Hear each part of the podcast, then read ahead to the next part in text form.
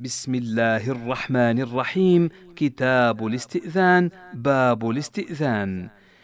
حدثني عن مالك عن صفوان بن سليم عن عطاء بن يسار أن رسول الله صلى الله عليه وسلم سأله رجل فقال يا رسول الله أستأذن على أمي. فقال نعم.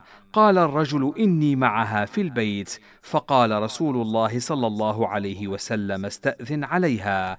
فقال الرجل إني خادمها. فقال له رسول الله صلى الله عليه وسلم استأذن عليها أتحب أن تراها عريانة؟ قال لا. قال فاستأذن عليها. وحدثني عن مالك عن الثقة عنده عن بكير بن عبد الله بن الأشج عن بسر بن سعيد عن أبي سعيد الخدري عن أبي موسى الأشعري أنه قال قال رسول الله صلى الله عليه وسلم الاستئذان ثلاث فإن أذن لك فادخل وإلا فارجع. وحدثني عن مالك عن ربيعة بن أبي عبد الرحمن عن غير واحد من علمائهم أن أبا موسى الأشعري جاء يستأذن على عمر بن الخطاب فاستأذن ثلاثا ثم رجع فأرسل عمر بن الخطاب في أثره فقال ما لك لم تدخل؟ فقال أبو موسى سمعت رسول الله صلى الله عليه وسلم يقول الاستئذان ثلاث. فإن أذن لك فادخل وإلا فارجع. فقال عمر ومن يعلم هذا؟ لئن لم تأتني بمن يعلم ذلك لأفعلن بك كذا وكذا. فخرج أبو موسى حتى جاء مجلسا في المسجد يقال له مجلس الأنصار فقال إني أخبرت عمر بن الخطاب أني سمعت رسول الله صلى الله عليه وسلم يقول الاستئذان ثلاث فإن أذن لك فادخل وإلا فارجع. فقال لئن لم تأتني بمن يعلم هذا لأفعلن بك كذا وكذا. فإن كان سمع ذلك أحد منكم فليقم معي. فقالوا لأبي سعيد الخدري قم معه. وكان أبو سعيد أصغرهم. فقام معه فأخبر بذلك عمر بن الخطاب. فقال عمر بن الخطاب لأبي موسى أما إني لم أتهمك ولكن خشيت أن يتقول الناس على رسول الله صلى الله عليه وسلم. باب التشميت في العطاس. حدثني عن مالك عن عبد الله بن أبي بكر عن أبيه أن رسول الله صلى الله عليه وسلم قال إن عطس فشمته ثم إن عطس فشمته ثم إن عطس فشمته ثم إن عطس فقل إنك مضنوك قال عبد الله بن أبي بكر لا أدري أبعد الثالثة أو الرابعة. وحدثني عن مالك عن نافع أن عبد الله بن عمر كان إذا عطس فقيل له يرحمك الله. قال يرحمنا الله وإياكم ويغفر لنا ولكم. باب ما جاء في الصور والتماثيل. حدثني عن مالك عن إسحاق بن عبد الله بن أبي طلحة أن رافع بن إسحاق مولى الشفاء أخبره قال دخلت أنا وعبد الله بن أبي طلحة على أبي سعيد الخدري نعوده فقال لنا أبو سعيد أخبرنا رسول الله صلى الله عليه وسلم أن الملائكة لا تدخل بيتا فيه تماثيل أو تصاوير شك إسحاق لا يدري أيتهما قال أبو سعيد. وحدثني عن مالك عن أبي النضر عن عبيد الله بن عبد الله بن عتبة بن مسعود أنه دخل على أبي طلحة الأنصاري يعوده. قال فوجد عنده سهل بن حنيف فدعا أبو طلحة إنسانا فنزع نمطا من تحته فقال له سهل بن حنيف لم تنزعه؟ قال لأن فيه تصاوير وقد قال رسول الله صلى الله عليه وسلم فيها ما قد علمت. فقال سهل ألم يقل رسول الله صلى الله عليه وسلم إلا ما كان رقما في ثوب؟ قال بلى ولكنه أطيب لنفسي. وحدثني عن مالك عن نافع عن القاسم بن محمد عن عائشة زوج النبي صلى الله عليه وسلم أنها اشترت نمرقة فيها تصاوير فلما رآها رسول الله صلى الله عليه وسلم قام على الباب فلم يدخل فعرفت في وجهه الكراهية وقالت يا رسول الله أتوب إلى الله وإلى رسوله فماذا أذنبت؟ فقال رسول الله صلى الله عليه وسلم فما بال هذه النمرقه قالت اشتريتها لك تقعد عليها وتوسدها. فقال رسول الله صلى الله عليه وسلم إن أصحاب هذه الصور يعذبون يوم القيامة يقال لهم أحيوا ما خلقتم. ثم قال إن البيت الذي فيه الصور لا تدخله الملائكة.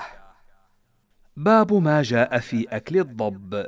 حدثني عن مالك عن عبد الرحمن بن عبد الله بن عبد الرحمن بن أبي صعصعة عن سليمان بن يسار أنه قال دخل رسول الله صلى الله عليه وسلم بيت ميمونة بنت الحارث فإذا ضباب فيها بيض ومعه عبد الله بن عباس وخالد بن الوليد. فقال من أين لكم هذا؟ فقالت أهدته لي أختي هزيلة بنت الحارث.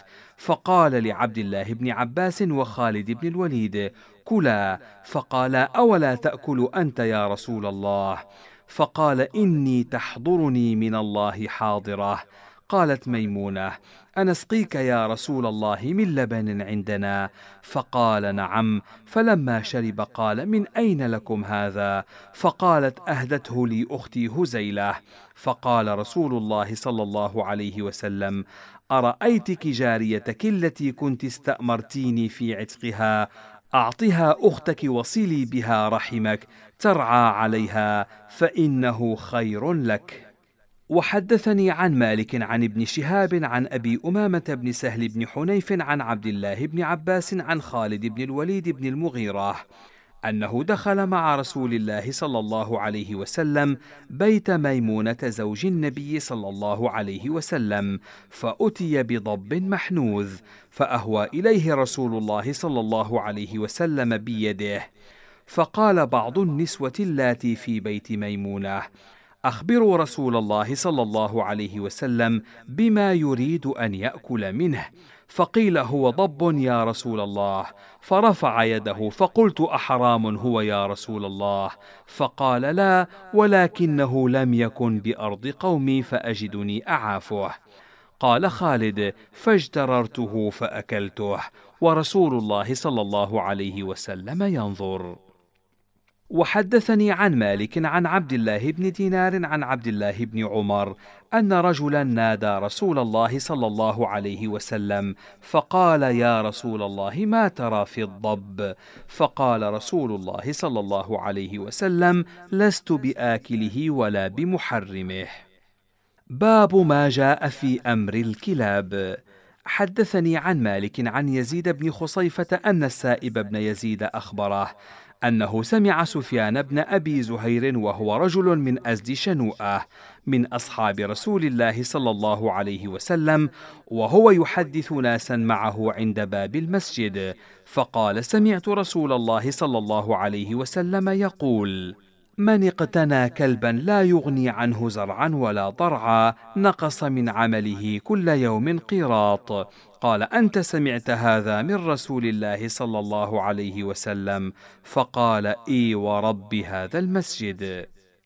وحدثني عن مالك عن نافع عن عبد الله بن عمر أن رسول الله صلى الله عليه وسلم قال من اقتنى كلبا إلا كلبا ضاريا أو كلب ماشية نقص من عمله كل يوم قيراطان وحدثني عن مالك عن نافع عن عبد الله بن عمر أن رسول الله صلى الله عليه وسلم أمر بقتل الكلاب.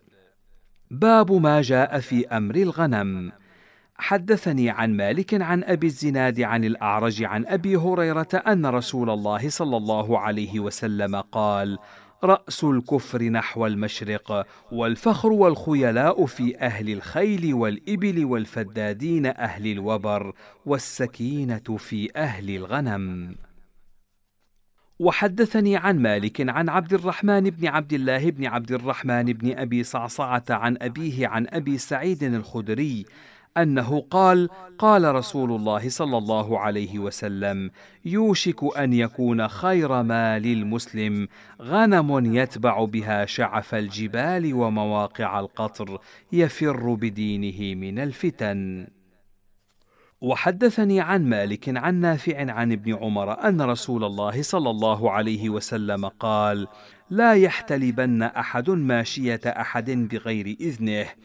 أيحب أحدكم أن تؤتى مشربته فتكسر خزانته فينتقل طعامه وإنما تخزن لهم ضروع مواشيهم أطعماتهم فلا يحتلبن أحد ماشية أحد إلا بإذنه باب ما جاء في الفأرة تقع في السمن والبدء بالأكل قبل الصلاة.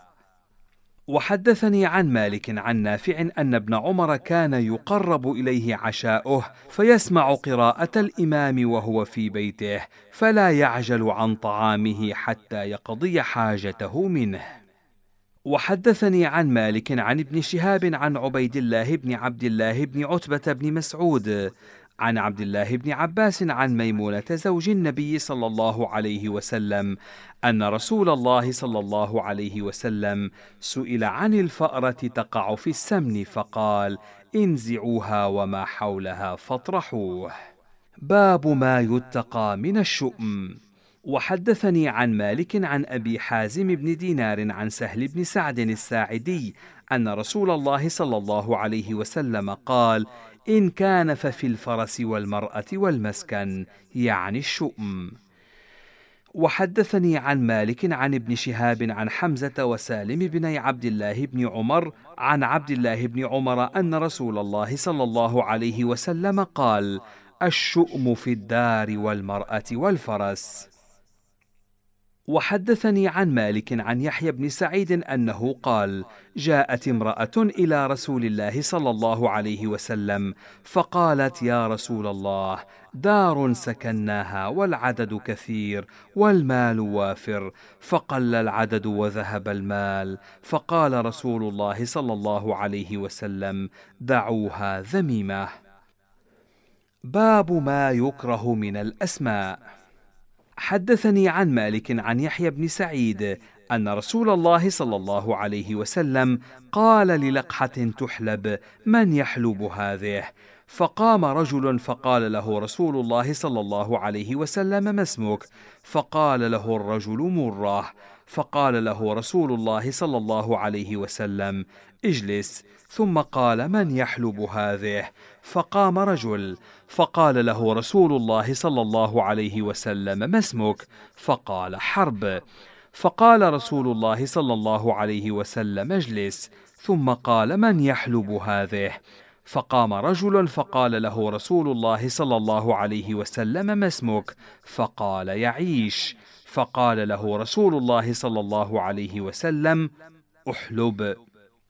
وحدثني عن مالك عن يحيى بن سعيد أن عمر بن الخطاب قال لرجل ما اسمك فقال جمرة فقال ابن من فقال ابن شهاب قال ممن قال من الحرقة قال أين مسكنك؟ قال بحرة النار قال بأيها؟ قال بذات لظى قال عمر أدرك أهلك فقد احترقوا قال فكان كما قال عمر بن الخطاب رضي الله عنه. باب ما جاء في الحجامة وأجرة الحجام. حدثني عن مالك عن حميد الطويل عن أنس بن مالك أنه قال: احتجم رسول الله صلى الله عليه وسلم حجمه أبو طيبه فأمر له رسول الله صلى الله عليه وسلم بصاع من تمر وأمر أهله أن يخففوا عنه من خراجه وحدثني عن مالك أنه بلغه أن رسول الله صلى الله عليه وسلم قال إن كان دواء يبلغ الداء فإن الحجامة تبلغه. وحدثني عن مالك عن ابن شهاب عن ابن محيصة الأنصاري أحد بني حارثة أنه استأذن رسول الله صلى الله عليه وسلم في إجارة الحجام فنهاه عنه فلم يزل يسأله ويستأذنه حتى قال اعلفه نضاحك يعني رقيقك. باب ما جاء في المشرق. حدثني عن مالك عن عبد الله بن دينار عن عبد الله بن عمر أنه قال رأيت رسول الله صلى الله عليه وسلم يشير إلى المشرق ويقول ها إن الفتنة ها هنا إن الفتنة ها هنا من حيث يطلع قرن الشيطان. وحدثني عن مالك أنه بلغه أن عمر بن الخطاب أراد الخروج إلى العراق فقال له كعب الأحبار لا تخرج إليها يا أمير المؤمنين فإن بها تسعة أعشار السحر وبها فسقة الجن وبها الداء العضال. باب ما جاء في قتل الحيات وما يقال في ذلك. حدثني عن مالك عن نافع عن أبي لبابة أن رسول الله صلى الله عليه وسلم نهى عن قتل الحيات في البيوت. وحدثني عن مالك عن نافع عن سائبة مولاه لعائشة أن رسول الله صلى الله عليه وسلم نهى عن قتل الجنان التي في البيوت إلا ذا الطفتين والأبتر فإنهما يخطفان البصر ويطرحان ما في بطون النساء. وحدثني عن مالك عن صيفي مولى بن أفلح عن أبي السائب مولى هشام بن زهرة أنه قال دخلت على أبي سعيد الخدري فوجدته يصلي فجلست أنتظره حتى قضى صلاته فسمعت تحريكا تحت سرير في بيته فإذا حيه فقمت لأقتلها فأشار أبو سعيد أن اجلس فلما انصرف أشار إلى بيت في الدار فقال أترى هذا البيت؟ فقلت نعم. قال إنه قد كان فيه فتى حديث عهد بعرس. فخرج مع رسول الله صلى الله عليه وسلم إلى الخندق فبينا هو به إذ أتاه الفتى يستأذنه فقال يا رسول الله ذل لي أحدث بأهلي عهدا.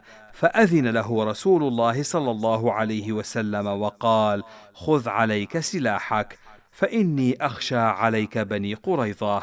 فانطلق الفتى إلى أهله فوجد امرأته قائمة بين البابين فأهوى إليها بالرمح ليطعنها وأدركته غيره. فقالت لا تعجل حتى تدخل وتنظر ما في بيتك. فدخل فإذا هو بحية منطوية على فراشه. فركز فيها رمحه ثم خرج بها. فنصبه في الدار. فاضطربت الحية في رأس الرمح وخر الفتى ميتا. فما يدرى أيهما كان أسرع موتا الفتى أم الحية. فذكر ذلك لرسول الله صلى الله عليه وسلم فقال إن بالمدينة جنا قد أسلموا فإذا رأيتم منهم شيئا فآذنوه ثلاثة أيام فإن بدا لكم بعد ذلك فاقتلوه فإنما هو شيطان. باب ما يؤمر به من الكلام في السفر.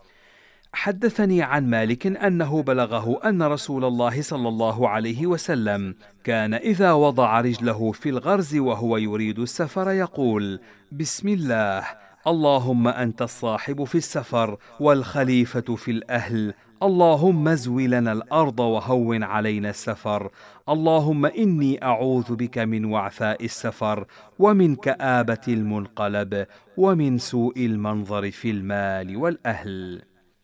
وحدثني عن مالك عن الثقة عنده عن يعقوب بن عبد الله بن الأشج عن بسر بن سعيد عن سعيد بن أبي وقاص عن خولة بنت حكيم أن رسول الله صلى الله عليه وسلم قال من نزل منزلا فليقل أعوذ بكلمات الله التامات من شر ما خلق فإنه لن يضره شيء حتى يرتحل. باب ما جاء في الوحدة في السفر للرجال والنساء. حدثني عن مالك عن عبد الرحمن بن حرملة عن عمرو بن شعيب عن أبيه عن جده أن رسول الله صلى الله عليه وسلم قال الراكب شيطان والراكبان شيطانان والثلاثة ركب. وحدثني عن مالك عن عبد الرحمن بن حرملة عن سعيد بن المسيب أنه كان يقول قال رسول الله صلى الله عليه وسلم الشيطان يهم بالواحد والاثنين فإذا كانوا ثلاثة لم يهم بهم. وحدثني عن مالك عن سعيد بن أبي سعيد المقبوري عن أبي هريرة أن رسول الله صلى الله عليه وسلم قال لا يحل لامرأة تؤمن بالله واليوم الآخر تسافر مسيرة يوم وليلة إلا مع ذي محرم منها. باب ما يؤمر به من العمل في السفر. حدثني عن مالك عن أبي عبيد مولى سليمان بن عبد الملك عن خالد بن معدان يرفعه. إن الله تبارك وتعالى رفيق يحب الرفق ويرضى به ويعين عليه ما لا يعين على العنف. فإذا ركبتم هذه الدواب العجم فأنزلوها منازلها. فإن كانت الأرض جدبه فانجوا عليها بنقيها وعليكم بسير الليل فإن الأرض تطوى بالليل ما لا تطوى بالنهار وإياكم والتعريس على الطريق فإنها طرق الدواب ومأوى الحيات. وحدثني عن مالك عن سمي مولى أبي بكر عن أبي صالح عن أبي هريرة أن رسول الله صلى الله عليه وسلم قال السفر قطعة من العذاب يمنع أحدكم نومه وطعامه وشرابه فإذا قضى أحدكم نهمته من وجهه فليعجل إلى أهله. باب الأمر بالرفق بالمملوك. حدثني عن مالك أنه بلغه أن أبا هريرة قال قال رسول الله صلى الله عليه وسلم للمملوك طعامه وكسوته بالمعروف ولا يكلف من العمل إلا ما يطيق.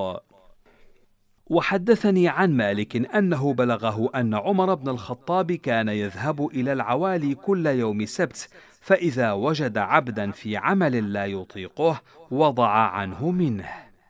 وحدثني عن مالك عن عمه أبي سهيل بن مالك عن أبيه أنه سمع عثمان بن عفان وهو يخطب وهو يقول لا تكلف الأمة غير ذات الصنعة الكسب فإنكم متى كلفتموها ذلك كسبت بفرجها ولا تكلف الصغير الكسب فإنه إذ لم يجد سرق وعفوا إذ أعفكم الله وعليكم من المطاعم بما طاب منها.